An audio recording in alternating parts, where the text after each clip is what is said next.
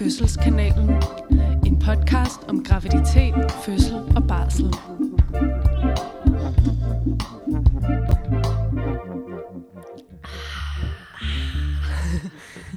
Så er vi tilbage simpelthen i vores øh, egne vante omgivelser.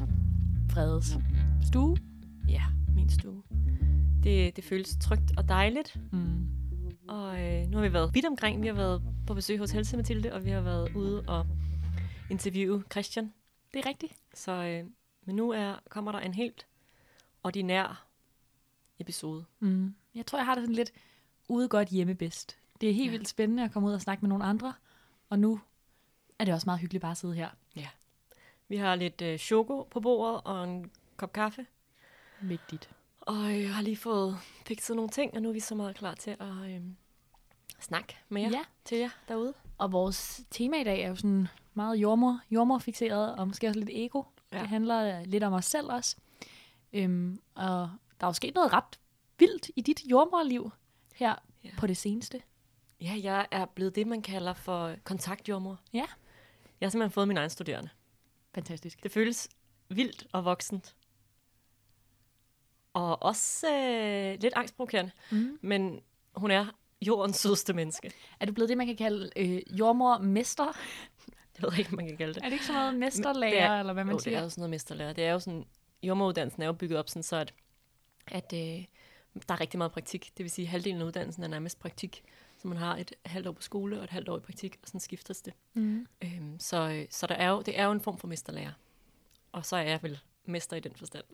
Fantastisk. Det ved jeg ikke helt, om jeg føler mig sådan, om den titel føles passende. Men, øh, men øh, nej, nej det, er faktisk, det er faktisk virkelig hyggeligt, og det er vildt Mhm. sjovt. Og det er også øh, det er vildt dejligt at få sådan et sådan helt frisk og, øh, og ny øh, i jordmorfaget ind mm. For højre, som har jeg var sådan super begejstret for alt, hvad der sker. Ja.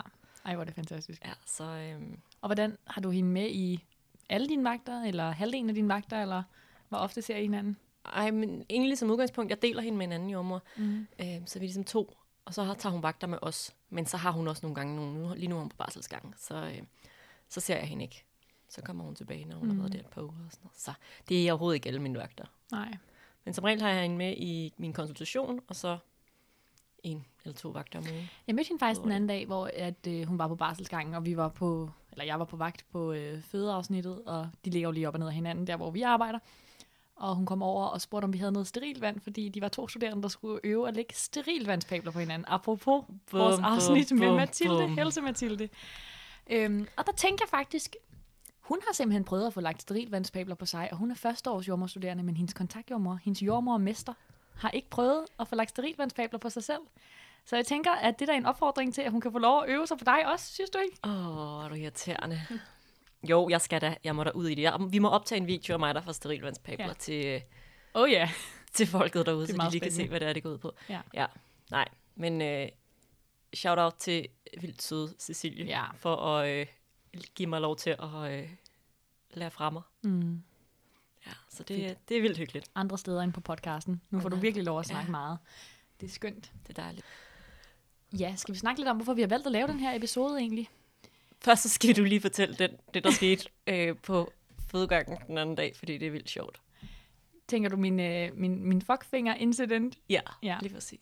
Jeg øh, fik jo simpelthen, øh, eller jeg blev rækket fuck til, eller hvad kalder man det, af, en fødende, i en ellers meget send situation, føler jeg. Øhm, og hun lå i et badekar, og vi havde noget dejlig musik på højtaleren, og der var sådan en god stemning derinde. Og så prøvede hende, og, eller prøvede øh, mig og hendes mand, prøvede ligesom at øh, hjælpe hende lidt med vejrtrækning og sige til hende, nu skal du spænde af dine skuldre og trække vejret dybt. Og først er det ham, der siger det. Og så rækker hun fuck til ham på sådan en, jeg ved det godt, jeg er fokuseret, stop med at snakke til mig måde. Hvor jeg så vælger at bryde ind og være sådan, han har faktisk ret, det er rigtig godt, det han siger, og prøv at lytte efter og bruge det til ligesom at hjælpe dig med at trække vejret. Og så får jeg så også en fuckfinger, så der ligger en super sej fødende, meget send i den her musik, og bare stikker fingre ud til begge sider, mens hun ligger og klarer resten af sin vej. Og, øhm, Det kunne man selvfølgelig tage tungt, hvis man ville det.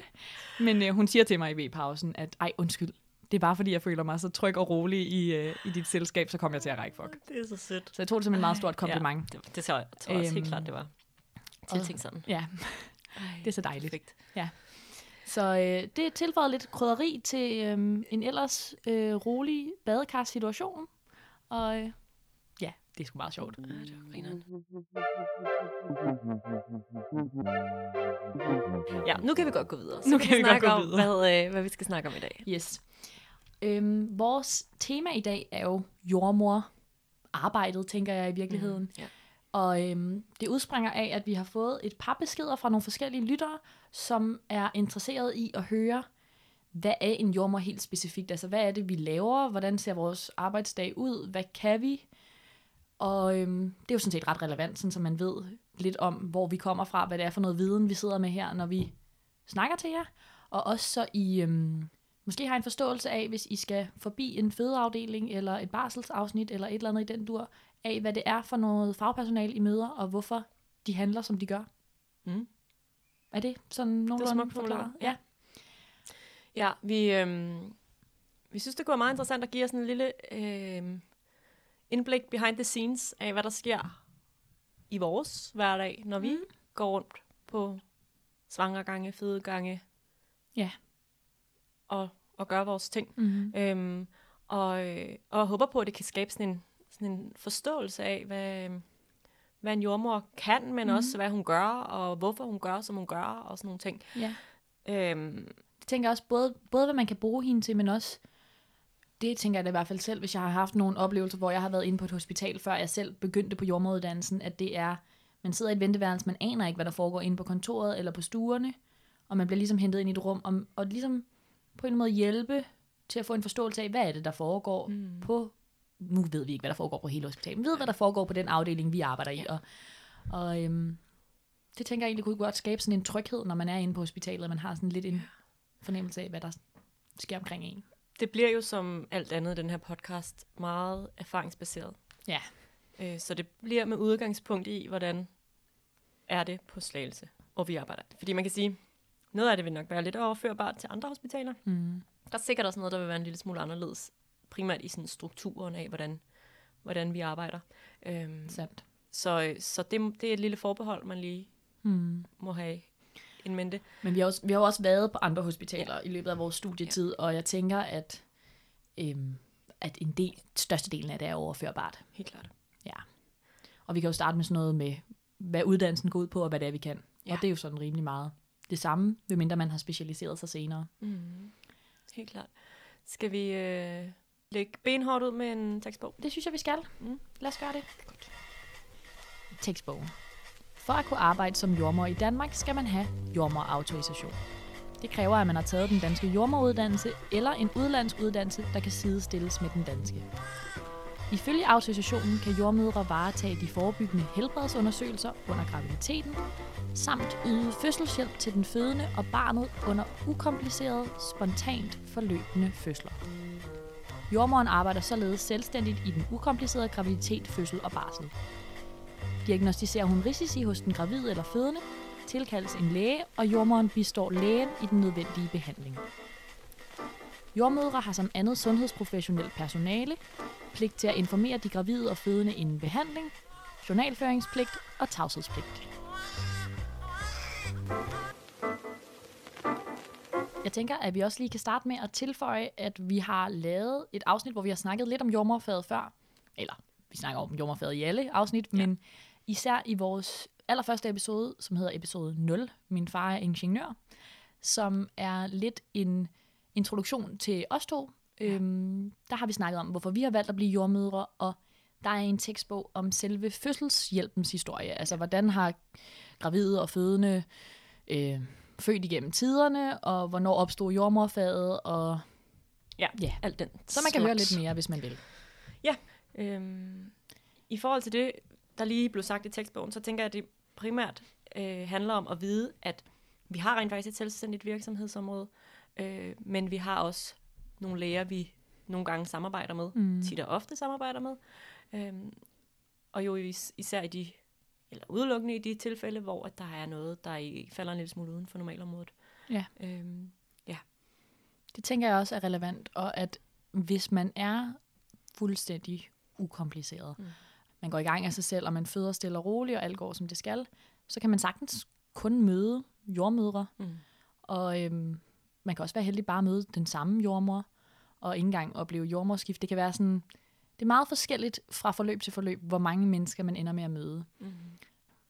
Man må bare også sige, at der er også en del, som i løbet af deres graviditet vil støde på en læge øh, af den ene eller den anden grund, mm. uden at det nødvendigvis har- har et særligt stort fokus, eller Ja. øh, er noget, der på nogen måde er alvorligt, men fordi der er noget, der falder en lille smule uden for det, som vi kan kategorisere som normalområdet, og derfor så kommer der lige en læge Mm. med ind over. Øh, Ja. og hvis man så ligesom kan, kan udelukke, at, at der er noget øh, galt eller noget farligt, så er det bare tilbage til at Ja. være helt ukompliceret. Ja, så jeg, jeg tænker, at vi ligesom på en eller anden måde er guiden Mm. som jordmødre, der har de gravide og fødende og barslende med os. Og så tilkalder vi ekstra hjælp, hvis Mm. vi har brug for det, men vi er ligesom et gennemgående tema. Og øhm, ens krop er jo belastet, når man er højgravid især, og der er mange, som kommer til lige at få de der tjek med en læge indover, som du siger. Ja. Øhm, Og det kan jo også være, fordi der er noget, øh, ikke i graviditeten, men noget forud for graviditeten, at man har en sygdom, mm. som man så skal udelukke, ligesom øh, kan skabe komplikationer for ja. Ja. graviditeten. Så, kan, så øh, er det ofte et, et læge, en lægesamtale på et eller andet tidspunkt, som man ja. Ja. lige skal ind, så man lige kan have styr på, at, at, øh, at kroppen godt kan klare graviditeten, og at der ikke er noget, nogle særlige Præcis. forholdsregler, der skal tages. Men man må sige, at vi arbejder sammen med læger meget ofte, men vi har jo det selvstændige område, som er at øh, snakke om familiedannelse, snakke om, hvordan går det med graviditeten, og hvad er forestillinger om fødslen, og støtte igennem en fødsel, og øh, mærke på de her gravide kroppe, Mm. og mærke, hvilken størrelse har barnet, hvordan ligger barnet, lytte hjertelyd, måle nogle forskellige værdier, og øh, hele håndværket i, hvordan man hjælper en fødsel godt på vej, hvilke stillinger, Ja. og hvordan tager man imod et barn, og øhm, der er en masse ting, som vi klarer sideløbende, ligegyldigt om der er en læge over eller ej, Mm. mm. som er vores ligesom Ja. jordmorfelt. Så kan der være sådan lidt forskel på, hvordan strukturen er. Øh, på hospitalerne, på vores hospital, er strukturen sådan så, at vi arbejder i vagter. Øh, det vil sige, at vi har skiftende vagter og møder ind, og er der enten 8 ish timer eller 12 Mm. timer, og så går vi hjem igen. Øh, derudover er der nogen, der har konsultationer, det vil sige, har de der graviditetstjek-up, mm. som ligger på en fast dag, hvor man som udgangspunkt så følger en jordmor gennem sin graviditet, men så når man så kommer til at skulle føde, så føder man med en, en vilkårlig jordmor inde mm. På fødegangen. Sådan er det hos os, Ja. Og sådan er det mange og steder. sådan er det mange steder. Men der er nogle hospitaler, der også har det, der hedder kendt jordmorordning, hvor at man ligesom er nogle grupper af jordmøder, der følger øh, en gruppe af gravide, og så når den gravide går i fødsel, så ringer hun til den jordmor, der er tilknyttet, og så, så klarer de det ligesom øh, inde på hospitalet. Ja. Øhm, Så i stedet for, at man kommer ind, og der er fire jordmøder på vagt, og du kommer til at føde med en af dem, og det er lidt tilfældigt. Du kan godt være heldig, at din konsultationsjordmor er der, men det er ikke sådan mega sandsynligt. Så er man i kendt jordmorordning, der er man sikret, at det er en af de jordmødre, man kender, som man kommer til at føde med. Ja, lige præcis. Og sådan er det lidt det samme øh, ude i blandt andet det, vi har, der hedder hjemmefødselsordning, som er en privat ordning, som er betalt af regionen. Det vil sige, at de gravide betaler ikke for at, at føde med hjemmefødselsordningen. Mm. Øhm, og der er det det samme, at, at de er en gruppe af jordmøder, nogle gange to, mm. nogle gange tre, som ligesom varetager en gruppe af, af fødsler. Ja. Øhm, og der, det er også sådan, at de så følger en gennem ens graviditet, og så føder med en, når man, ja. Når man går i fødsel. Så det er sådan lidt det samme, men jo selvfølgelig bare i hjemmet. ja. Øhm, Og egentlig, det er jo så Region Sjælland, vi, mm. vi snakker om her. Men egentlig er det også det samme på fødeklinikkerne i Region Sjælland. Ja. Der har de også et x antal jordmødre, som de ligesom ved, at de kommer til at føde med en af dem. Ja. Øhm, og man kan sige, der er jo mange fordele ved at have en kendt jordmorordning, øhm, at man ligesom har en idé om, hvem det er, man kommer ind til. Men der er også meget stor forskel på måderne at arbejde, når man er jordmoren, der arbejder. Mm. Øhm, for man er jo rigtig, rigtig meget på kald. Mm. Altså ligesom går rundt med en telefon og venter på, at der er nogen, der ringer, hvis man er i det, der hedder kendt jordmorordning, fordi ja. at man skal ligesom sikre, at der er en af de her jordmødre, der kan tage imod den ja. fødende. Og så er det lidt forskelligt, hvordan de har valgt at organisere sig. Nogle gør det sådan, så de er på kald en uge ad gangen. Mm. Og så har de jo en hel uge, hvor de som udgangspunkt ikke er på kald. Mm. Men mindre der så er flere, der ligesom føder på én gang, det vil sige, at den jordmor, der er på kald, ligesom står optaget, så, så kan man være nødt til at, at, at ligesom ja. tage del i det. Så der, det skaber jo nogle begrænsninger i forhold til det der med lige at tage til en fødselsdag, eller drikke et glas øh, vin eller to om aftenen, at, at man er på kald, og derfor skal være klar til at tage til fødsel når som helst. Og ja. det er der nogle jordmøder, der fungerer vildt godt i, fordi de synes, at den der kendthed og det der med, at det på en eller anden måde bliver en del af deres livsstil, øh, at det er vildt fedt, og en fed mm. måde at arbejde på. Og der er også nogen, der bliver vildt stresset, fordi de hele tiden mm. har den der sådan, jeg kan blive kaldt til en fødsel any day, anytime. Ja. Øhm, så det, det tror jeg er meget individuelt, at man, ja. man ligesom synes, det passer til og, en. Ja, og, og det der så også er med kendt jordmordning, det er, at øhm, når du føder med en jordmor, så er du også ligesom sikret, at hun bliver i hvert fald i rigtig mange timer. Det kan godt være, hvis fødslen tager meget lang tid, at, at der kommer et skift til en af de andre jordmødre, du kender. Ja. Og det kan jeg godt forstå virker rigtig tiltagende, når man er gravid, at man ligesom har et billede på, hvem det er, der kommer ind. Men jeg oplever faktisk også nogle gange, at de jordmorskift, vi har, når vi arbejder vagter inde på et hospital, som vi gør, at de kan have en fordel ja. også. At man er ligesom mere veludvilet, når man ved, jeg ved ligesom, hvornår jeg møder i vagt. Hvis jeg skal i nattevagt, så har jeg sovet i løbet af dagen, og jeg skal være der i 8 eller 12 timer, så det er ligesom afgrænset.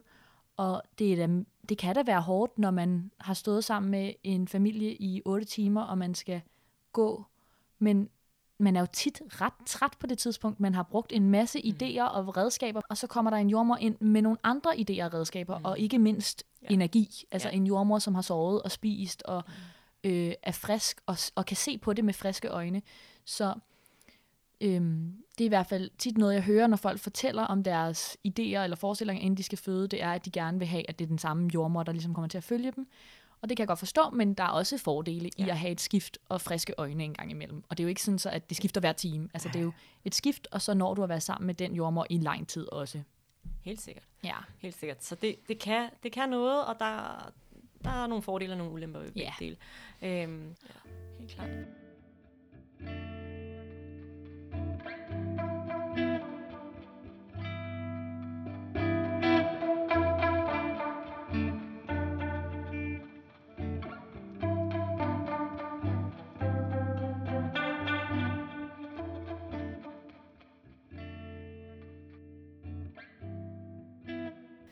Men hvis vi så vender lidt tilbage til, hvordan, øh, hvordan vores arbejdsdage ser ud inde på hospitalet øh, ja. på Slagelse fødeafsnit, så øh, kan man sige først og fremmest, at vi er et relativt lille sted.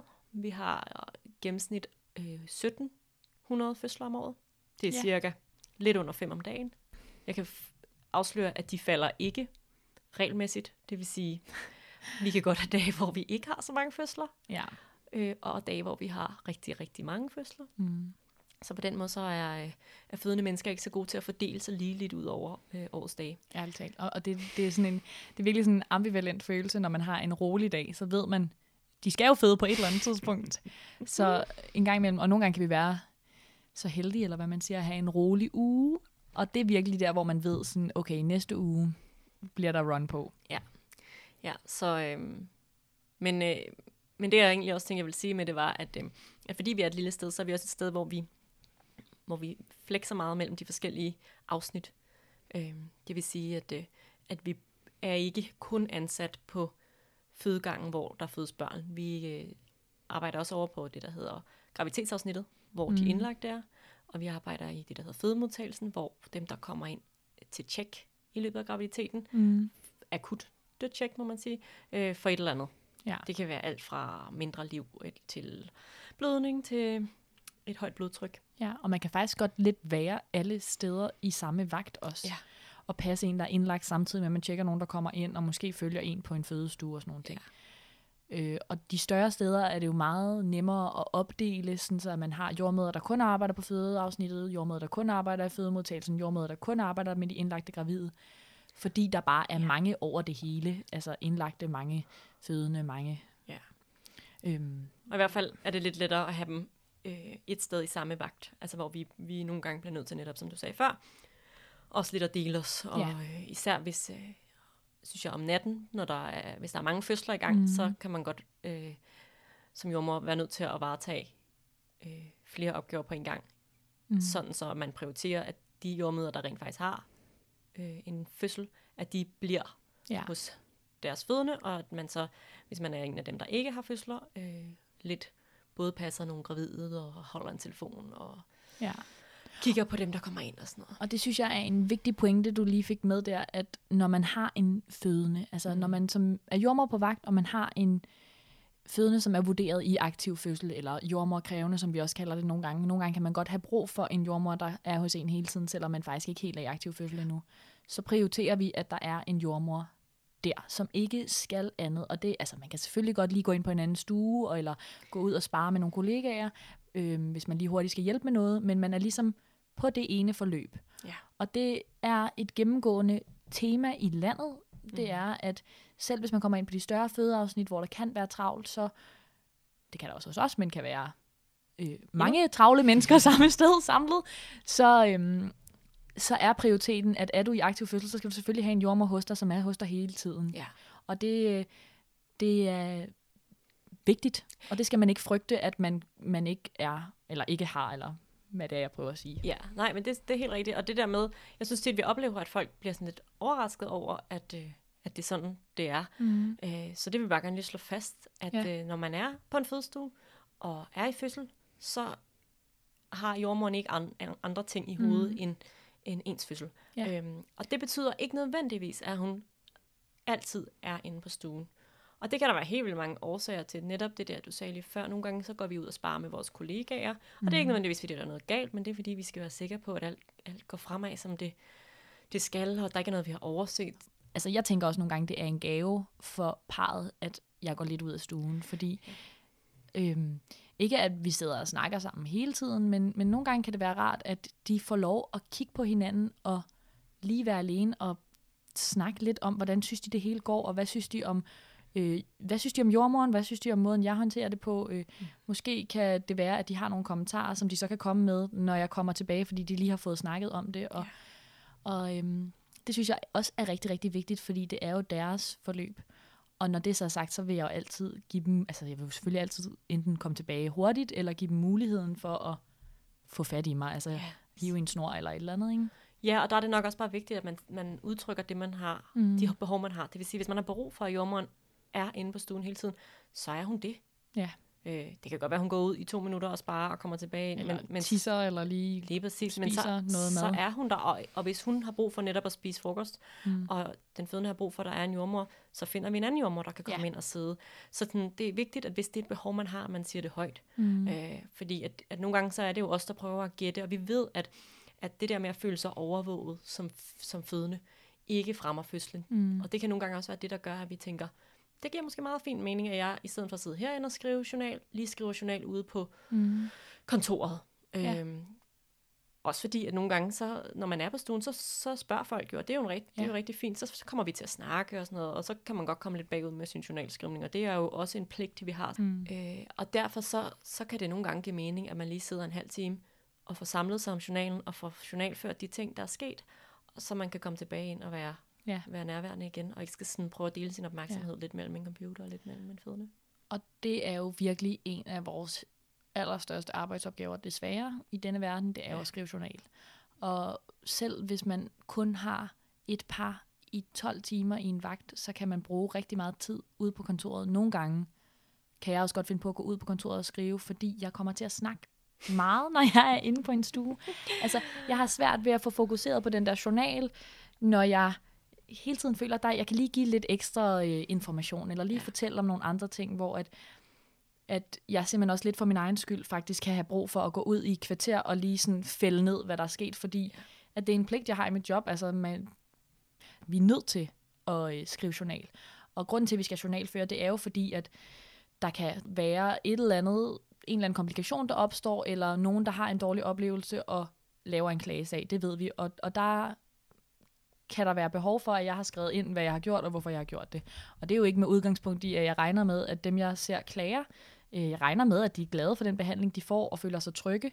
Men hvis man, og hvis man heller ikke tænker på klager, så kan det også være et behov for at kunne gå ind på sundhed.dk og læse, hvad var det, der skete i min fødsel. Altså, man har ligesom en ret til at få at vide, hvorfor er jeg blevet behandlet, som jeg er blevet. Mm. Og det skal jeg selvfølgelig nok også sige mundtligt, mm. men, men det er jo ikke alt, man kan huske, når man er inde på en fødestue. Så det er ligesom en del af, af det møde, man har med sundhedsvæsenet i alle mulige tilfælde. Ja.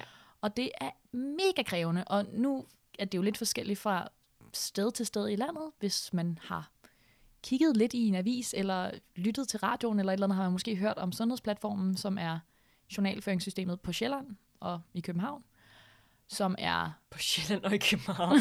det er fordi, jeg tænkte sådan, kan jeg vide, om folk tænker Region Sjælland. Men ja. øhm, på Sjælland, inklusiv den lille del, der hedder København, øhm, det er journalføringssystemet, vi har herover, og det er øhm, relativt nyt. Det har været alt imellem et år og tre år eller sådan noget på de afdelinger, det nu er på, og det er øh, lidt kompliceret og lidt træls, og der er nogle få ting ved det, der er meget smarte, og det kan godt være, at det bliver smartere med tiden, men mest af alt så kræver det bare, at vi skal klikke rigtig meget rundt og dokumentere rigtig mange ting. Og hver gang vi for eksempel hvis jeg giver en panodil eller to mm. til en fødende, så skal jeg øh, gå ind og bestille det i systemet, så skal jeg gå ind et andet sted og give det til hende i systemet, og jeg skal også lige øhm, spørge hende, om der er noget medicin, hun ikke kan tåle, og gå ind og registrere, at jeg har spurgt hende, at der ikke var noget medicin, hun ikke kunne tåle. Og det tager bare lige lidt ekstra tid. Og det er jo altså en meget, meget hurtig handling, en meget øh, længere proces at dokumentere det. Ja. Øh, det er helt rigtigt, og det, det er noget, der tager øh, meget af vores tid, meget mere end jeg som jordmor vil ønske. Øh, jeg kan godt nogle gange blive frustreret over, at vi bruger så meget tid på at dokumentere, og det ligesom føles som sådan øh, halvdelen af mit arbejde nærmest. Mm. Og i starten af mit jordmorliv, der var jeg nok, havde jeg nok sådan en øh, sådan lidt en opvisning om, at det var ikke det, der skulle fylde. Mm. Og det resulterede nogle gange i, at jeg ikke fik skrevet journal øh, sådan løbende. Og derfor resulterede det også i, at jeg havde nogle øh, rigtig træls øh, overarbejdstimer efter ja. min vagt. Og det må man bare sige, hvis man har været der 12 timer, og man ikke har journal for, for de sidste fire, mm. øh, så bliver man rigtig træt af sig selv. Og når man så har gjort det tilpas mange gange, så bliver man bedre til at prioritere ja. øh, og få gjort det løbende. Fordi det, det, kan man, det kan man simpelthen ikke byde sig selv på mm-hmm. sigt at skulle have, øh, have en masse af det øh, hængende over hovedet, mm. øh, når vagten slutter. Så sådan, det, det, er, det er noget, der, der bare bliver nødt til at være der, og øh, vi gør vores bedste for på en eller anden måde, at det ikke skal fylde i de familier, vi møder på vores vejs oplevelse af deres fødsel. Men, ja. men det, det skal ligesom passes ind på nogle tidspunkter. Ja. Det må man bare sige. Og vi har i hvert fald der, hvor vi arbejder computer på stuen, det tror jeg, der er de fleste steder. Og ja. det gør også, at man kan sagtens skrive journal, imens man er sammen med familien, så man kan føle, at vi er til stede. Og, og jeg tænker det lidt som sådan den øh, moderne version af jordmoren, der sidder og strikker over i hjørnet. Desværre. Ja. det er computeren. Og øh, der er også nogle jordmøder, der sidder og strikker over i hjørnet. Men det giver ligesom en vibe af, der er en jordmor til stede. Hun er til rådighed. Man kan spørge hende. Man kan få hende over, hvis man har brug for hende. Hun sidder og laver noget andet, så man behøver ikke at small talk hele tiden. Og det er jo noget, man virkelig skal vide, tænker jeg, som familie, der kommer ind på et hospital, det er, det er en lidt anderledes måde at møde sundhedspersonale, at vi er så meget sammen med jer, at øhm, I behøver ikke at small talk hele tiden. Vi vil rigtig gerne snakke, hvis I har lyst til at fortælle os mm. om renovationen af jeres hus og sådan nogle ting. Det er meget hyggeligt også, fordi at det er meget dejligt nogle gange for stemningen, at der bliver talt lidt om noget andet end smerte og blod. Men man skal i hvert fald ikke, nej, det er det, man skal ikke føle sådan, okay, nu er det otte timer, jeg skal underholde den her jordmor, fordi hun sidder inde på vores stue. Vi kan sagtens bare sidde i stillhed og være der. Og ligesom man må sige, vi kunne rigtig godt tænke os, at du var her, mm. så må man også gerne sige, øh, vil det være okay, hvis vi lige fik lidt tid til at være alene? Ja. Øhm, fordi vi nogle gange, tror jeg, vi går lidt, altså vi vil hellere være lidt for meget derinde, mm. end lidt for lidt. Nogle af os i hvert fald. Det er nok mm. forskelligt fra jordmor til jordmor. Men, øh, men det er jo en balancegang, der bliver en lille smule lettere af, at I fortæller, hvad jeres behov er, for så kan vi meget bedre leve op til dem. Alt bliver lettere, hvis I fortæller, hvad jeres behov er. Ja.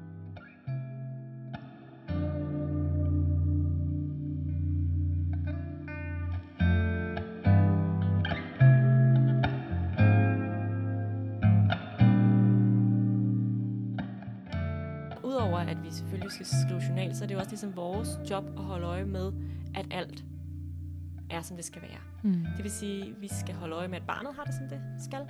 Mm. Og det, det sker også på to måder. Øh, hvis det er en ukompliceret fødsel, det vil sige, hvis ikke der har været noget i graviditeten, og der ikke er noget under fødslen, som er uden for normalområdet, så lytter vi med sådan en doptone, som også er det, man lytter med i konsultationen, jommerkonsultationen. Det er sådan en lille tråd, trådløs, øh, ikke trådløs, det er en, jo, det er vel en trådløs. Den er vel, der er en tråd. Det er en lille, det er en mobil øh, ultralyds dingenot, som ligesom lytter hjertelyden, så kan man høre den ud i rummet. Mm. Øh, så tæller vi den og vurderer, øh, om den er normal, og hvis den er det, så, så fortsætter vi på den måde.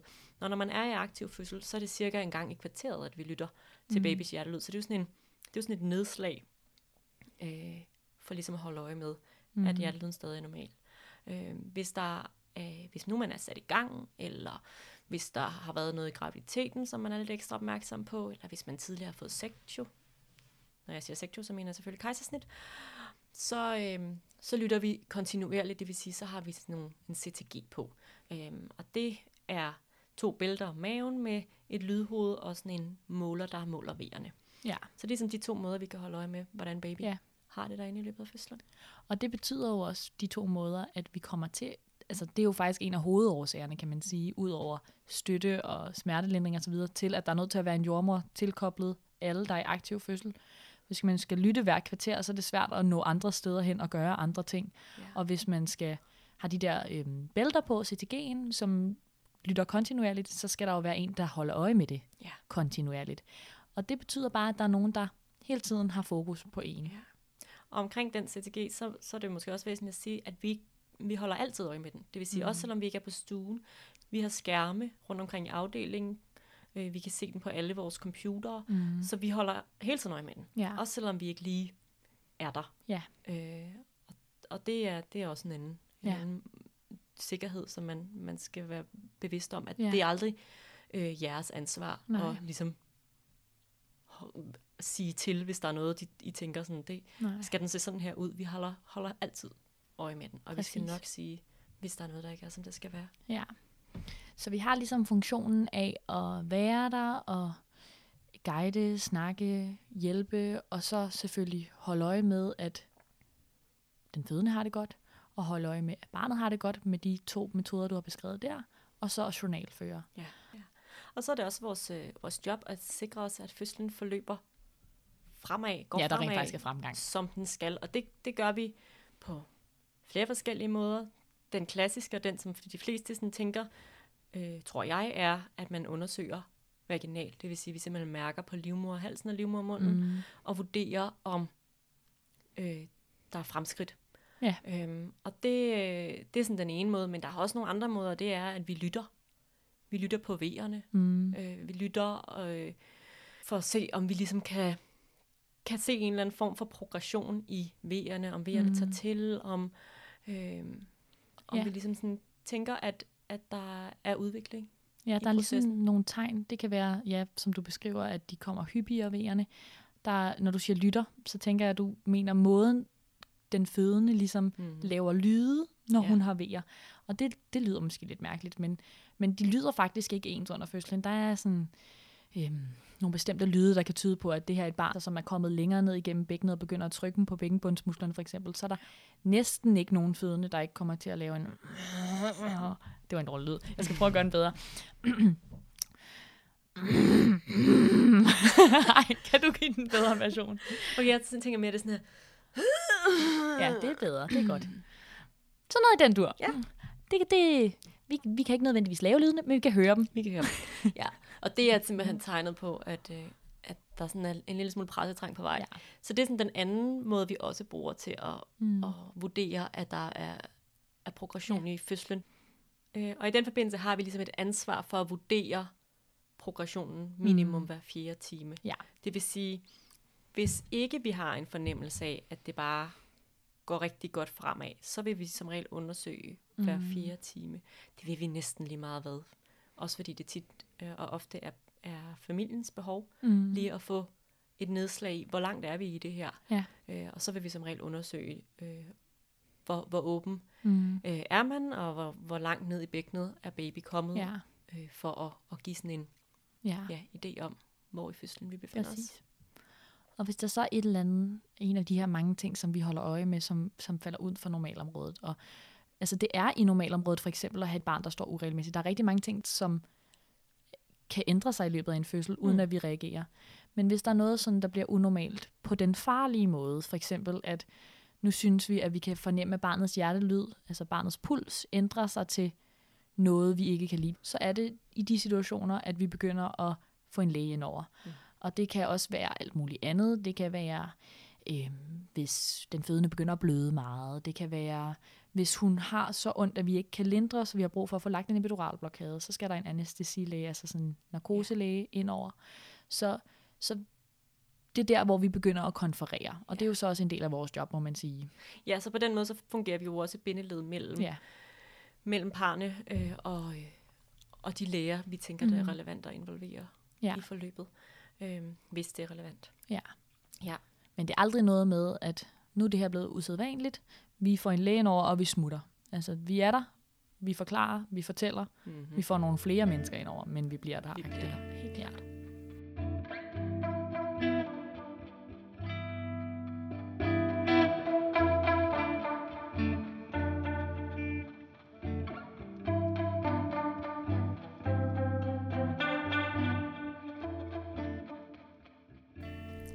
Nå, nu har vi lige været inde og runde det der med at være jordmøder på en fødestue. Det tænker jeg tit og ofte er det, som de fleste forbinder med at være jordmor. Men vi laver også andre ting.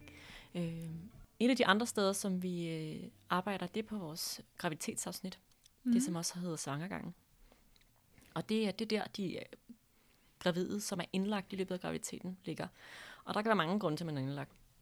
Det er sådan lidt mere sygeplejerske øh, arbejde, eller sådan lidt mere Ja. den format at arbejde på, at man møder ind og øh, laver sådan nogle tjek i løbet af, af vagten. Mm. Øhm, Det er rigtigt. Sørge for, at folk har det godt, og også lige høre, hvordan, hvordan er det at være her, og det er jo ikke det, som de fleste forbinder med at skulle være gravid, og på et Mhm. tidspunkt skulle føde.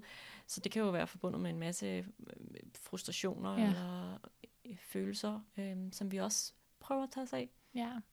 Og de bekymringer, der er, når man er syg, når man er gravid, eller når, man, når der er et eller andet galt, når man er gravid, er jo anderledes, end når man bare er sin egen krop. Mm. Og det er lidt noget andet. Øh, det er ikke kun min krop, det handler om. Det handler om mig og et barn.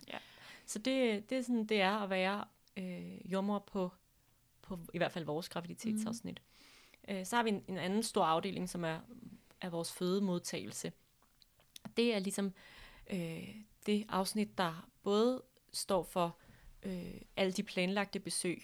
Altså, så det kan være, hvis man skal til en, en CTG-kontrol i løbet af graviditeten af den ene eller den anden grund. Mm. Øh, det kan også være, at man øh, er planlagt til at skulle øh, have taget blodtryk og nogle blodprøver øh, i Mhm. forhold til at holde øje med, om man er ved at udvikle svangerskabsforgiftning. Mm. Mm. Et vendingsforsøg, hvis ens barn ligger med numsen først. Ja. Men det er også der, hvor vi ser alt det, der, der kommer akut i løbet af dagen. Så det vil sige, alle dem, der ringer ind til vores akuttelefon med det ene og det andet, og hvor vi vurderer, at det giver mening at komme ind til et tjek. Ja. Øhm, så det, det er sådan lidt en, en delt øh, opgave mellem det planlagte og det akutte.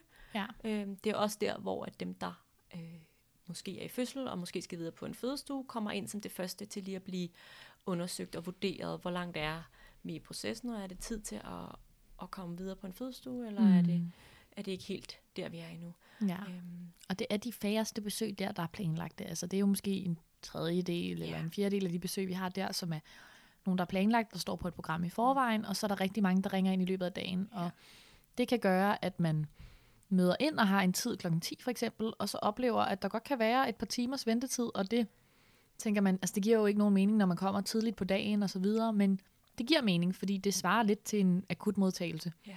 Du er godt nok gravid, og det er en fødemodtagelse, men, men det er selvfølgelig de mest alvorlige, akutte Ja. ting, vi er nødt til at tage først.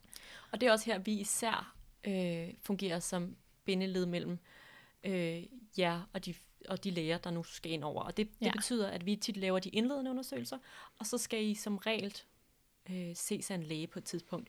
Ja. Og det kan være det, der er det svære i det her, at vi oplever tit, at øh, vi har gjort det, der skal, ligesom skal gøres fra vores side, men at så kommer man til at vente på, at der er en læge, der har tid til at se. Og det er de samme læger, som står inde på fødestuerne øh, og hjælper øh, de fødende. Mm-hmm. Og det betyder jo igen, at man kommer lidt bagerst i rækken, øh, hvis ikke man er akut nok. Ja. Så hvis det er et planlagt besøg, eller hvis det er et, et akut besøg, men ikke øh, hvor man ligesom øh, som jordmor vurderer, at der er noget nu og her, der er farligt, Mm. så vil man tit og ofte komme til at vente på, at der er en læge, der har tid. Ja. Og det kan simpelthen være alt for øh, 20 minutter på en god dag til, at man nogle gange har vi folk, der sidder og venter i 6 timer. Og Ja. ja. det er så frustrerende for jer, og det er så frustrerende for os. Ja. Og det er simpelthen bare rigtig svært at planlægge øh, sig ud af. Og derfor må, må man bare sige, at øh, vi gør det simpelthen så godt vi kan, og øh, Vi er de heller ikke lægerne gør det interesserede. også så godt de kan, og vi er Ja. ikke interesseret i, at der er nogen, der skal vente, Nej. men, men det er bare nogle gange, som det ender. Ja, og, og jeg tænker også, at man skal prøve at huske på, at det er mega frustrerende, når man sidder der. Men det er jo rigtig, rigtig rart, hvis man skulle være en af dem, der har brug for akut hjælp på et tidspunkt, at man ikke kommer bag i køen for en, der skal have lavet et tjek, som bare har været planlagt lang tid i forvejen, ja. og som ikke er akut. Så kunne man sige, hvorfor ansætter I ikke fire gange så mange læger, og lader som om det ikke koster nogen penge, men så kunne der lige pludselig godt være fem gange så mange problemer. Altså det er så uforudsigeligt, det her fag, at, at der er altid en risiko for, øh, der er bare altid en risiko for ventetid. Ja, Det, må man, det, det, er, det er sådan, det er. Øhm, og jeg synes faktisk, at jeg oplever, at folk har super god tålmodighed. Der Ja, vil altid være nogen, bestemt. der, hvor det kammer over, og de bliver frustreret, og det kan vi godt forstå. Ja. Men jeg synes virkelig, at vi har nogle, nogle mennesker, som er meget forstående, som også tit siger, Nå ja, men når det så er mig, der ligger føde, så er det jo mig, der kommer mm. i første række. Og det er jo lige præcis sådan, man skal tænke. Ja, At, øh, at på et eller andet tidspunkt, så er det ens tur til at være første prioritet, og så er man rigtig Ja. ja. glad for, at prioriteterne fungerer, som de gør. ja, præcis. Og noget, man også kan nævne i den sammenhæng, det er den journalføringspligt, vi snakkede om før, at man kan godt sidde i et øh, venteværelse og vente og opleve, at der er en glasvæg ind til et kontor, eller lidt længere nede er der et kontor, hvor der sidder øh, tre jordmødre, eller to jordmødre og en læge, eller whatever, og, Mm. og sidder og skriver på en computer, og man tænker, hvorfor sidder jeg og skriver der, når I bare kunne, jeg skal bare lige ind til et lille tjek, der er planlagt, og jeg ved, der ikke skal se så meget, jeg har været her før, agtigt. At der må man jo sige, at det kan være jordmødre, der allerede har meget overarbejde, det kan være jordmødre, der øhm, har tre patienter og er nødt til at skrive ting ind, for ikke at miste overblikket over, hvem gør jeg hvad ved, og, og det er... Øhm, der er alle mulige andre Ja. opgaver, og det er, det er meget svært at gennemskue, når man kommer som Ja. gæst udefra, og jeg kan godt forstå, at man kan blive frustreret. Men øhm, vi lover, vi gør det simpelthen så godt, som vi kan. Og det er vi helt overbevist om, at alle vores øh, kollegaer rundt omkring in the country også gør. Og vi er super gode til at multitaske, men vi har også vores begrænsninger. Og ja. især det der med at få, få husket og få journalført løbende, sådan, så man netop ikke tænker sådan, gud, hvordan var det nu med hende her i forhold Mhm. til den her person, og at vi løbende ligesom får, får skrevet de ting ned, vi gør. Ja. Øhm, det, er, det er super essentielt. Det er det bare. Ja. Har vi andre funktioner på øh, afdelingen? Vi har selvfølgelig jordmorkonsultationerne, det tænker jeg måske også er relevant at nævne. Ja, og det er jo sådan et helt andet format, fordi mm. der, er, der er vi i privat tøj, Mm. mm. og vi sidder på et kontor og har et program, Mm. øh, som vi skal igennem. Og der kan ikke komme alt muligt ind fra højre. Der kan godt være nogle af de øh, mennesker, vi ser i løbet af dagen, hvor at det, det trækker ud, og derfor så kan der være lidt ventetid på mm. den Mhm. måde, men, Ikke 6 timer. men ikke seks timer, nok mere øh, et kvarter måske. Ja. En halv time, hvis, det, hvis bølgerne går højt. Øhm, så der, der, er det, der er lidt noget andet, og der øh, har vi konsultationer ude omkring i landet også. Det vil sige, der er konsultationsjordmøder, som sidder i Slagelse, men vi har også øh, i Næstved og Mm. i Ringsted og i Sorø og mm. Faxe. Ja. Så det er sådan et, det er, det er ligesom indrettet sådan så, at øh, de gravide ikke skal have så langt, Ja. så lang kørsel, at alle ikke skal køre ind til, til Slagelse Hospital for at gå til jordmor. Ja. Man kan gå øh, et sted i nærheden af, hvor de bor. Og sådan er det ved mange hospitaler. Altså jeg ved i hvert fald, at øh, Hvidovre Hospital hedder jo egentlig Amager og Hvidovre Hospital, og der er jo både konsultation, jo, siger jeg, men det er ikke sikkert, man ved det. Der er både konsultation i Hvidovre og på Amager, ja. så hvis man bor på Amager, kan man gå der, og hvis man bor i nærheden af Hvidovre, kan man gå der. Så det er Ja. sådan lidt, det er tænkt lidt på samme måde, så godt man nu kan rundt omkring i landet, at, øhm, at det skal være sådan nogenlunde nemt at komme til. Og det er fordi, at det er de der helt standard undersøgelser, der skal gøres i alle graviditeter, hvor at man måske har et eller andet sted mellem 4 og 6, 7 aftaler med en jordmor, hvor man kommer ind og bare får en snak selvfølgelig om, hvordan det hele går, og så får mærket på sin mave, ja. vurderet, hvordan hvor stor er livmoderen, hvor stor er det barnet, målt et blodtryk, tjekket mm. sin urin, øhm, den slags lyttet en hjertelyd, helt ja. normale synes, nedslag, hvor ja. vi lige tjekker, alt går, som det skal. Og det er jo igen der, hvor man, man har øh, ser de samme gravide igennem deres graviditet, så der får man jo også et andet sådan, forhold til dem, og kan genkende dem fra gang til gang. Ja. Øh, så det, det, er sådan en, det er en lidt anden måde at, at arbejde på, og det tror jeg er en af de ting, jeg synes er fedt ved jordmorfaget, at man kan få lov til at gøre det på den måde, mm. øh, hvor man har lidt forskelligt. Jeg har også øh, fødselsforberedelse, det skal du også snart til at have, ja. øh, og det er jo en helt tredje måde øh, at arbejde på, hvor man ligesom øh, mere står og, og ligesom holder et eller andet form for oplæg. Mm. Øh, for i vores tilfælde er det 10 par af gangen, øh, og bruger sin, sin eftermiddag og aften på det. Øh, og det, det, det fungerer i hvert fald godt for mig, det der med at have ja. muligheden for at skifte mellem de forskellige typer af arbejde, som, som ja. jordmorfaget kan byde på. Og en sidste ting, det er så lidt konsultationsagtigt, det er efterfødselskonsultationen, som det er kan foregå inde på et sygehus, det kan foregå i hjemmet, det er lidt forskelligt fra hospital til hospital, og hvis man har født på en klinik, kan det være på klinikken. Øhm, og det er sådan en lille nedslag, vi laver et par dage efter fødslen, hvor vi skal bare lige høre, hvordan går det med amningen, og øh, så måler vi en, eller vi laver sådan en hørescreening af barnet, og vi tager en blodprøve for barnet, hvor man tjekker for nogle sjældne stofskiftesygdomme. Og måske kigger man til en bristning, hvis der har været en bristning, der er blevet syet. Og det er sådan i hvert fald hovedbarselsopgaven, som de fleste jordmødre ligesom kommer lidt ind over på et tidspunkt. Og så er der de jordmødre, som har valgt at arbejde på en barselsafdeling, hvor at de ligesom indgår sammen med sygeplejersker på en afdeling. Og der er faktisk også, jeg ved, at på Holbæk sygehus, der er barselsafdelingen ren jordmødre. Okay, så det er også, ja, øhm, det, det, det kan man sagtens opleve, når man ligesom er indlagt, hvis man bliver det på et barselsafsnit, at det er jordmøder, der kommer og, øhm, og hjælper en med amning og, og kigger til en efter fødslen, og lige sikrer, at man får en god start på familielivet. Ja, ja det er vi ligesom også uddannet til, og så er det bare i nogle tilfælde, at det øh, primært er, er sygeplejersker, der tager sig af det, ja. og nogle, nogle gange er det så jordmoren. Ja. Øhm, ja. Vi kan vel konkludere, at der er rigtig, rigtig mange forskellige funktioner, man kan have som jordmor, som alle sammen selvfølgelig er relateret til graviditet, fødsel og barsel. Ja. Og så er der selvfølgelig de jordmøder, der arbejder med alt muligt andet, men det er ikke ja. sådan super relevant lige for denne podcast-episode. Nej, men kort kan vi nævne, at sådan noget som for eksempel scanning, Ja, det er rigtigt. Det er også er jordmøder, der varetager det, men det er så øh, det er sådan en separat ting, en efteruddannelse, hvor man bliver scanningsjordmor, mm. og så laver man kun det. Ja. Så er man ikke på fødegangen, man er ikke øh, i konsultationen, så har man scanningerne. Ja, og der er jordmødre, der arbejder på fertilitetsklinikker eller i lægepraksiser og alt muligt, men det er ligesom ikke en del af det at være fødegangsjordmor, hvis man kan kalde det det. Men det er ligesom en del af jordmorfaget, og det er jo også det, der gør, at, øh, øh, at vi på en eller anden måde kan varetage så mange forskellige mm. opgaver, og også har mulighed for igennem et jordmorliv og ændre lidt retning uden at forlade faget fuldstændig. Øhm, der er også mange, der har private klinikker, den ene og den anden art, som både kan være gravidmassage, akupunktur, øh, hvad hedder sådan noget, armevejledning. Ja. Øhm, så det er sådan, der er en hel væld af forskellige private tilbud, øhm, ja. som også er varetaget af, af jordmor.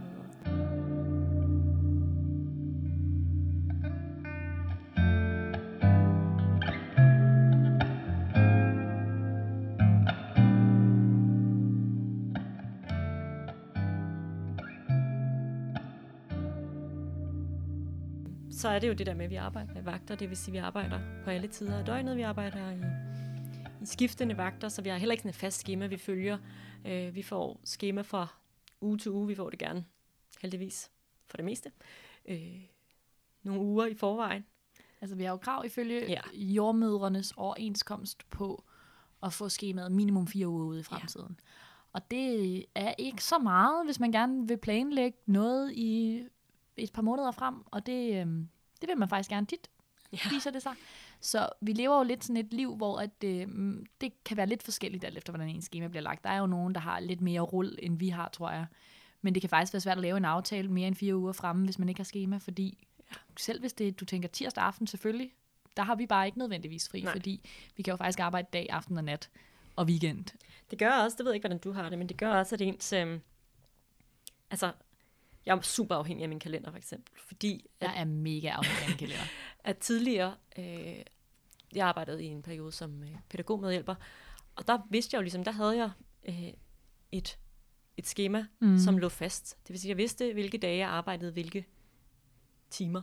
Øh, så jeg vidste også, hvornår har jeg havde fri hver fredag blandt andet, og jeg vidste ligesom, jeg har tidligt fra tirsdagen, øh, mm. sådan, er, sådan, er, sådan jeg hænger mit schema sammen. Og det, det ved jeg jo ikke Nej. Længere. Så, øh, så jeg kan som regel huske en uge ud i fremtiden af mine vagter. Mm. Øh, og, og fordi det Og så... nogle gange kan man og nogle gange kan man ikke det. det. Altså, Men fordi det så er så forskelligt, så kan jeg stort set aldrig huske, hvad for nogle aftaler, jeg ligesom har lavet.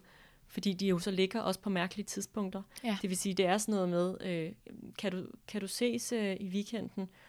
har jeg weekend? Har jeg weekend overhovedet, øh, for det første? Øh, og kan jeg, kan jeg egentlig det? Hvad, hvad havde jeg egentlig af aftaler?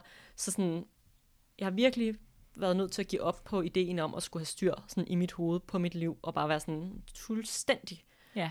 rely på min kalender, og hvad den ligesom... Jeg, jeg er nødt til at kigge i den virkelig mange gange ja. Om dagen også, fordi jeg ved, at der er selvfølgelig mange, der er gået over til telefonkalenderen. Jeg kan ikke overskue det, fordi jeg både skal have vagter ind og øhm, mødetider. Det kan jo også være, man kan, vi har også forskellige slags nattevagter for eksempel. Og, Mm. øhm, ja, der er bare, øh, altså, der er rigtig meget at holde styr på. Ja. Så altså, ja, det, det, øhm, det er også sådan et kæmpe element af det at være jordmor, at tingene er så omskiftelige. Ja. Det gør så gengæld også, at man jo har fri på øh, en onsdag nogle gange, og mm. at Mhm. man aldrig rigtig har fornemmelsen af sådan, Som denne torsdag formiddag, hvor vi sidder og optager ja. for eksempel. Ja. man har aldrig fornemmelsen af at have mandag til fredag og sådan en trummerum følelse af, Nej. øh, nu skal det snart blive weekend. Man har, jeg har mere sådan en følelse af, Nå, nu har jeg lige de her to vagter, Ja. så har jeg lige fri en dag ja. eller to dage, og Nå, så har jeg lige de her tre vagter, men så har jeg også fri de næste fire dage. Eller sådan. Det, det giver en helt anden, en helt anden livsform, Det er rigtigt. øh, som kan noget, helt klart. Ja. Men som også er udfordrende i forhold til det der med øh, regelmæssighed. Altså, mm. de fleste har jo godt af at sove på de samme tidspunkter, Mm. øh, og har få spist øh, måltider, morgen, middag og aften og sådan. Og nogle det, det har gange alle godt af, tror bliver jeg. det bare rigtig svært. Vi prøver at lade som om, at det er ikke noget, vi har brug for, fordi... Og det, ja, det, altså, jeg har bare, jeg har seriøst bare ikke nogen rutiner. Nej. Det er sådan en, en kæmpe pærevælling af øh, mærkelige vagter og aftaler på underlige tidspunkter, og så øhm, går jeg sent i seng, fordi jeg ved, at jeg skal i nattevagt dagen efter, så kan jeg sove længe i stedet, og det vil være godt for mig, når jeg skulle i nat og sådan noget. Altså sådan, det, det hele er meget mærkeligt. Ja. Men, men det er også helt vildt befriende. Altså man har ikke... Tidligere har jeg også, hvis man har haft et bestemt schema, ligesom haft sådan, torsdag er bare den værste dag i verden, og sådan, det eksisterer bare ikke. Altså, Nej. dagene er meget neutrale på en eller anden måde, og, øhm, og det er helt vildt fedt. Ja. Altså, det synes jeg faktisk er dejligt, og jeg er bare lykkelig over, at jeg ikke skal stå tidligt op hver dag. Altså, det tror jeg simpelthen ikke, jeg vil kunne håndtere. Mest af alt, så kan vi jo også bare bytte, så hvis man... Altså, det er jo noget af det, der er magisk ved- ved vores job, og det er nok svært, hvis man arbejder på et kontor eller en børnehave, og bytte sin tirsdag væk, fordi mm. der er ligesom ikke rigtig så mange alternativer, hvor at, så kan det godt være, at man får en søndagsvagt eller et eller andet, men man kan i hvert fald ofte prøve at bytte, øh, sådan så man får fri en dag. Altså det, Ja. På den måde er det meget øh, fleksibelt, hvis man har overskud til at lige sætte sig ind i, hvem kan tage min vagt, og hvem Ja. ja. vil, og hvad kan vi gøre for hinanden. Og, og det er faktisk helt vildt fedt. Altså det er sådan noget, der har gjort, at jeg i sommerferien for eksempel har kunne tage på festival onsdag, torsdag, fredag, uden at holde mm. ferie, altså uden at bruge feriedage på det, og så bare arbejdet lidt på et andet tidspunkt. Og Ja. det er mega nice. Ja, det er sandt. Det er godt. Ja. Det kan i hvert fald, det kan noget. Ja. Og så kan det være rigtig træls på nogle andre tidspunkter. Altså, man har jo lyst til at brokke sig. Altså, det har man jo, og det tror jeg bare, alle mennesker har, for det er så dejligt at få noget word vomit ud af ens mund en gang imellem. Men i virkeligheden, så tror jeg, det passer mig rigtig godt. Det tror jeg også, det gør for mig. Ja. Det er i hvert fald, det er sådan, jeg overordnet har det. Ja. Men altså, jeg skal på nattevagt i nat, 12 timers nattevagt, og det kan man da godt Hvordan synes har du det med det? træls. Ja. det er rigtigt. Ja. Men det sjove er, at jeg synes altid, det er fedt, når jeg er der. Og Jeg kan faktisk rigtig godt lide at arbejde om natten, fordi der er jo sådan en anden stemning om natten. Mm, Der er sådan en stemning af ro. ja. Vi, vi skruer helt ned for lyset, og så går man bare rundt. Og sådan, det er også tit der, man har lidt bedre tid til at snakke med kollegaerne. Ja. Og lige sådan få tjekket ind i forhold til dagtiden, hvor der netop er alt det der hu hej og Det er mennesker på gangen og sådan noget. Så er der bare, så er der bare os. Og, Ja. Det, der nu engang er, er enten akutarbejde eller øh, fødende. Og vi er lidt færre på arbejde, for der er ikke nogen, der har planlagte tider om natten. Selvfølgelig er der ikke nogen gravide, der har planlagte tider om natten. Så på den måde, så der er lidt en anden ro, selvom der selvfølgelig kan ske lige så mange akutte ting. Og tit er det jo også der, at øh, de fødende ligesom går i gang mm. med deres fødsel. Så tit så ringer telefonen også med, at vandet er gået, eller at V'erne er startet. Men Mhm. der er ikke så mange, der øh, ringer og fortæller, at øh, de ikke har mærket barnet, for eksempel, eller sådan, fordi Mhm. de ligger og sover. Ja. Altså, så, så der er jo kun dem, der ligesom er oppe om natten og føler et behov for at ringe ind til Ja. os. Og det, det, det begrænser det til sådan en særlig type af mennesker. Det er rigtigt. Mm-hmm. Det er også en af grundene til, tror jeg, at der er ekstremt meget kage på vores afdeling, fortæller jeg mig selv, det er, at folk har sådan lidt ondt af sig selv, når de skal i nattevagt. Så der er, jeg synes næsten altid, der er nogen, der har taget øh, lækre snacks med af en eller anden art. Så man kan ligesom forvente et vist flow af goodies i afdelingen. Goodies. Ja, jeg har i hvert fald sådan, altså, ret mange ting, også liggende nede i mit skab sådan, på, på hospitalet sådan, til hårde vagter, Ja. hvor jeg virkelig ikke gider arbejde denne nat. Så kan jeg øh, tage salfisk med, og så skulle det åbenbart hjælpe mig. Så skulle det åbenbart blive bedre. Ja. Mm. Det tror jeg, der er mange, der tænker. Har du mere, du føler, at vi skal øh, sige om emnet? Nej, altså man kan sige, det blev lidt et sammensurium af alle mulige mærkelige ting, jordmøder kan lave, og alle mulige øh, vagttyper og den slags. Men det er jo også bare virkelig sådan verden ser ud, må man sige. Ja. Ja, sådan er det, og øh, det er også øh, jo øh, lidt den struktur, vi er kendt for, så mm. Mm. alt er, som det plejer. Det er charmen. Det er charmen. Jeg synes, vi skal gå videre til en, øh, en brevspræk. Det skal vi da.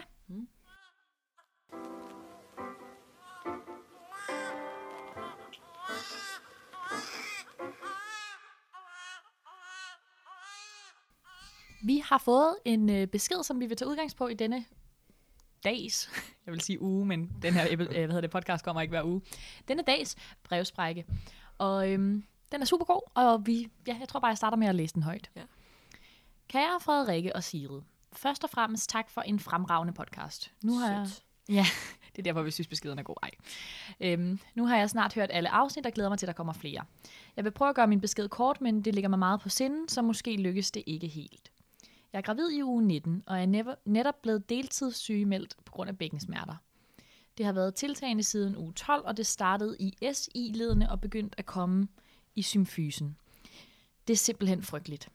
Mens jeg arbejdede fuld tid, brugte jeg alle mine kræfter på job og sov lur, når jeg kom hjem, og bagefter listede jeg ind på sofaen foran fjernsynet. Mellem smerterne, bekymringerne og utrygheden var der simpelthen ikke plads til træning, ud over mine meget milde øvelser fra fysen, hvilket resulterede i endnu flere bekymringer og dårlig samvittighed. Derfor vil jeg egentlig 1. Opfordre til, at I laver et afsnit om bækkenløsning, bækkensmerter i graviditeten. Det kunne være super nice.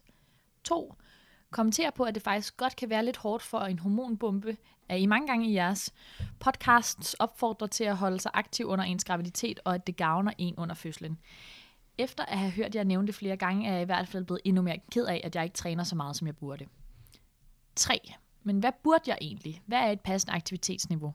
Det er selvfølgelig vildt svært at svare på, men hvad nu, hvis jeg går rundt og slår mig selv i hovedet, men egentlig gør det godt nok? Og hvad betyder et højt, lavt aktivitetsniveau egentlig for baby? Jeg har lyst til at sige noget til dig først og fremmest. Først og fremmest, så gør du det godt nok. Det gør du virkelig. Øh, det er jo sådan, så, at man gør det så godt man kan, og det er godt nok. Og der vil være nogen, der for eksempel har rigtig meget graviditetskvalme, og derfor ikke kan holde deres vitaminer i sig. Og det er okay. Der vil også være nogen som dig, der har rigtig ondt i bækkenet og har bækkenløsning, og derfor ikke kan holde et højt aktivitetsniveau, og det er okay. Mm. Det ligger mig så meget på sinde, at man ikke render rundt i, sit, i sin graviditet og føler sig øh, utilstrækkelig Mm. over ting, som man rent faktisk ikke kan ændre på. Mm. Selvfølgelig er det godt at være aktiv i løbet af en graviditet, men jo kun til det niveau, som man kan. Ja. Graviditet handler super meget om at lære at lytte til sin krop, om at lære at, at høre den signaler og holde igen, når ting bliver for meget. Mm. Øhm, og det, det er mindst lige så vigtigt som at være aktiv i Mm. løbet af en graviditet. Grunden til, at vi siger det der med, at man skal være i gang i løbet af en graviditet, er jo fordi vi ved, at, at det øh, er godt for et menneske helt generelt at være aktiv. Ja. Det er det ikke øh, kun, når man er gravid, men det er det også, når man er gravid. Øhm, og det er jo ikke fordi, at, øh, at barnet mærker ens aktivitetsniveau på, no, altså på den måde. Det, er ikke, det bliver jo ikke et sundere barn af, at man holder sig aktiv, men det bliver no, nogle gange en lettere graviditet, og nogle gange en lettere fødsel. Så det er for ens egen krops skyld? Det er en, for ens egen krops skyld. Øhm, og så vil der bare være gange, hvor, at, øh, hvor at det, det på en eller anden måde ikke kan lade sig gøre. Mm. At man ikke kan gå ture. Det er sådan tit det, jeg anbefaler, at man, man går nogle ture, eller får cyklet på arbejde, eller integrerer aktivitet i løbet af sin dagligdag. Øh, men, men hvis man har så voldsom bækkenløsning, mm. at det ikke er en mulighed, så handler det jo om at gøre lige præcis det, som hun gør, Ja. og lave de øvelser, som fysioterapeuten har, Ja. har sagt, øh, at man skal lave, fordi bækkenløsning, øh, selvom at det ikke decideret er farligt for hverken mor eller barn, så er det jo, kan det, altså det kan gøre så ondt til en, Ja. en grad, hvor man nogle gange altså skal have krykker, ja. I værste, værste tilfælde, fordi man simpelthen ikke kan komme omkring uden. Mm. Øh, nogle gange er der også nogen, der ender med at, at sidde i kørestolen noget af graviditeten, fordi de simpelthen ikke kan komme, komme omkring på andre måder, og det er jo forfærdeligt. ja. Øh, Og man kan jo få hjælpemidler, og det kan vi jo høre på din besked, at du allerede har været i kontakt med en fysioterapeut. mm. Øhm, og der er nogle forskellige ting, man kan gøre. Og man kan få nogle øvelser, som jo så er specifikt for at hjælpe med bækkenet, og man kan få et bælte, som ligesom... Det er noget, der hedder et trokanterbælte, der holder lidt på ens bækken for en. Sådan stort bredt et, der ligesom skal hjælpe Ja. med at støtte. Hvis det på nogen som helst måde er muligt, så vil de, den aktivitet, jeg vil anbefale en, som havde problemer med bækkenet, det vil være at gå nogle stille og rolige ture, og så vil det være sådan noget som at gå i svømmehallen. Ja. Og øhm, tanken med det, det er, at det kan være nemmere at bevæge sig ned i vandet, og hvis man kommer ned i et varmtvandsbassin, så kan man også måske få noget lindring rent faktisk. Mm-hmm. Men det er jo ikke sikkert, det overhovedet er muligt. Altså der er jo, det er sådan, nu kan jeg også høre på den her besked, at vores lytter her har haft det tiltagende siden uge 12. Mm. Og det er jo ikke, fordi der er en kæmpe stor livmor, der trykker i bækkenet. Det er simpelthen hormonelt, fordi mm. der er et hormon, der hedder relaxin, som gør, at, og det får man rigtig meget i kroppen, når man er gravid, som gør, at ens bækken bliver løsere. Og det er ligesom meningen, sådan så at man skal kunne føde lidt nemmere, fordi at bækkenknoglerne bedre kan give sig. Det er også bækkenknoglerne, hun nævner, når hun snakker om SI-led og symfysen. Og det er der nogen, der ikke rigtig kan mærke, at det her hormon virker, og så er der nogen, hvor at det både virker mere og gør mere ondt, at det virker. Og det kan være totalt helt aldeles hæmmende, og selvfølgelig skal man ikke, altså hvis man ikke kan, så skal man ikke, og, og det, det er så forskelligt fra person til person, så vi har faktisk svært ved at lave sådan en generelle råd, men vi håber virkelig ikke, at man hører vores anbefalinger om aktiviteter, hvis man så slet ikke har mulighed for det, tænker, at det er noget, man gør galt, eller at man skal føle skyld, fordi det, det giver jo ikke nogen mening. Nej, og der er jo så mange andre ting, der spiller ind på, øh, især hvordan man føder. Ja. Ja. Det vil sige, øh, det er jo ikke sådan så, at, øh, at fordi man ikke er aktiv i løbet af sin graviditet, så kommer man til at, at øh, ikke at kunne føde, eller at øh, have en mega hård fødsel. Det kan vi Nej. Simpelthen ikke sige noget om. Øh, vi ved, at det måske kan gøre det en lille smule lettere, mm. at man har haft et, et aktivitetsniveau mm. af en eller anden art. Men der kan jo så være en masse andre ting, der så spiller ind, som ja. så igen gør det sværere. Så det bliver jo sådan en, det bliver jo sådan noget overordnet og meget uspecifikt, Ja. øhm, når man skal anbefale nogen noget. Ja. Øhm, så derfor så, så tror jeg, det er så vigtigt, at man på en eller anden måde kigger på sig selv og siger, hvad har jeg muligheder for? Mm. Og så gør det, man kan. Ja. Og så for guds skyld, lad være med at slå sig selv oven i hovedet over det. I stedet for, gør noget, gør noget godt for dig selv. Altså hvis, hvis du øh, kan få noget gravid, lækker graviditetsmassage og, og forkæle dig selv lidt, øh, så gør det i stedet for. Ja. Altså du er i gang med at producere et lille væsen, Ja. og, øh, og det er det mega barn skal hårdt. nok blive produceret fint, Ja, ligegyldigt hvor meget du bevæger dig. Ja. Men det kan være mega hårdt for en krop at producere et menneske, og for nogle Ja. er det ikke så hårdt. Og, og der er bare forskel på folk. ja.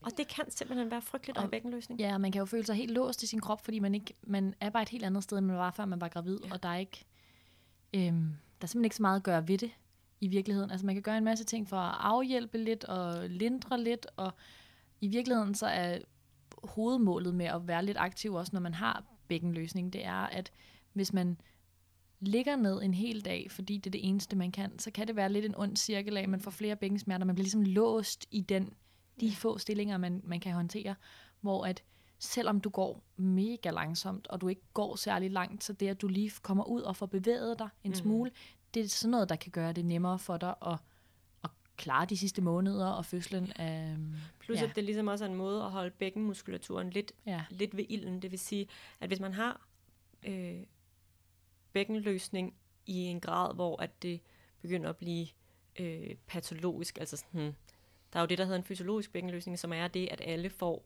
en eller anden form for bækkenløsning, at bækkenet bliver en lille smule løsere, så man kan føde. Men hvis det ligesom går over og bliver så slemt, øh, som det lyder som om det, det er i det her tilfælde, øh, så, så kan man ligesom med bækkenmuskulaturen støtte mm. lidt op omkring de her led, som bliver løsere, og som er det, der gør, at det gør ondt.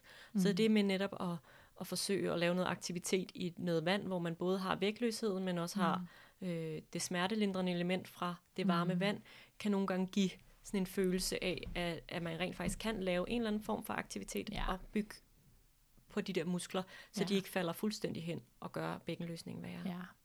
Og så tror jeg bare, at man skal huske, at man er et helt andet sted i sit liv, når man er gravid, og at man, jeg synes, det lyder super godt, at hun er blevet deltidssygemeldt for det første. Der er nogle ting, som bare kommer til at være anderledes. Det er overhovedet ikke de samme aktiviteter, som før du blev gravid, du kan lave, Mm-hmm. hvis du har den her slags bækkenløsning.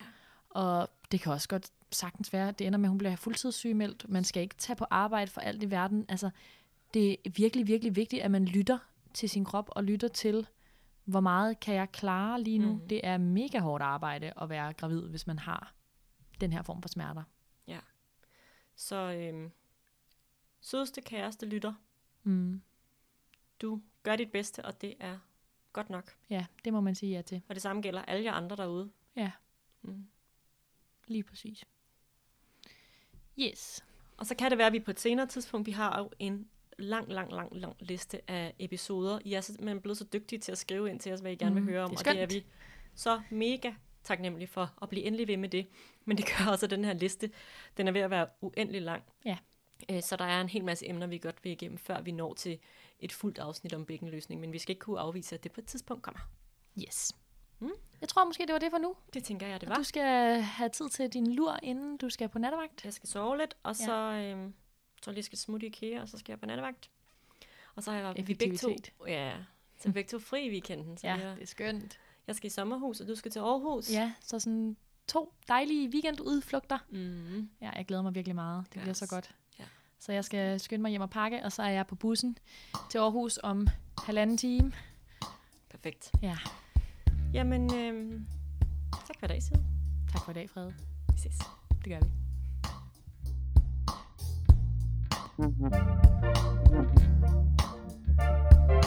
Du lytter til Fødselskanalen. Det er sgu da fedt, mand.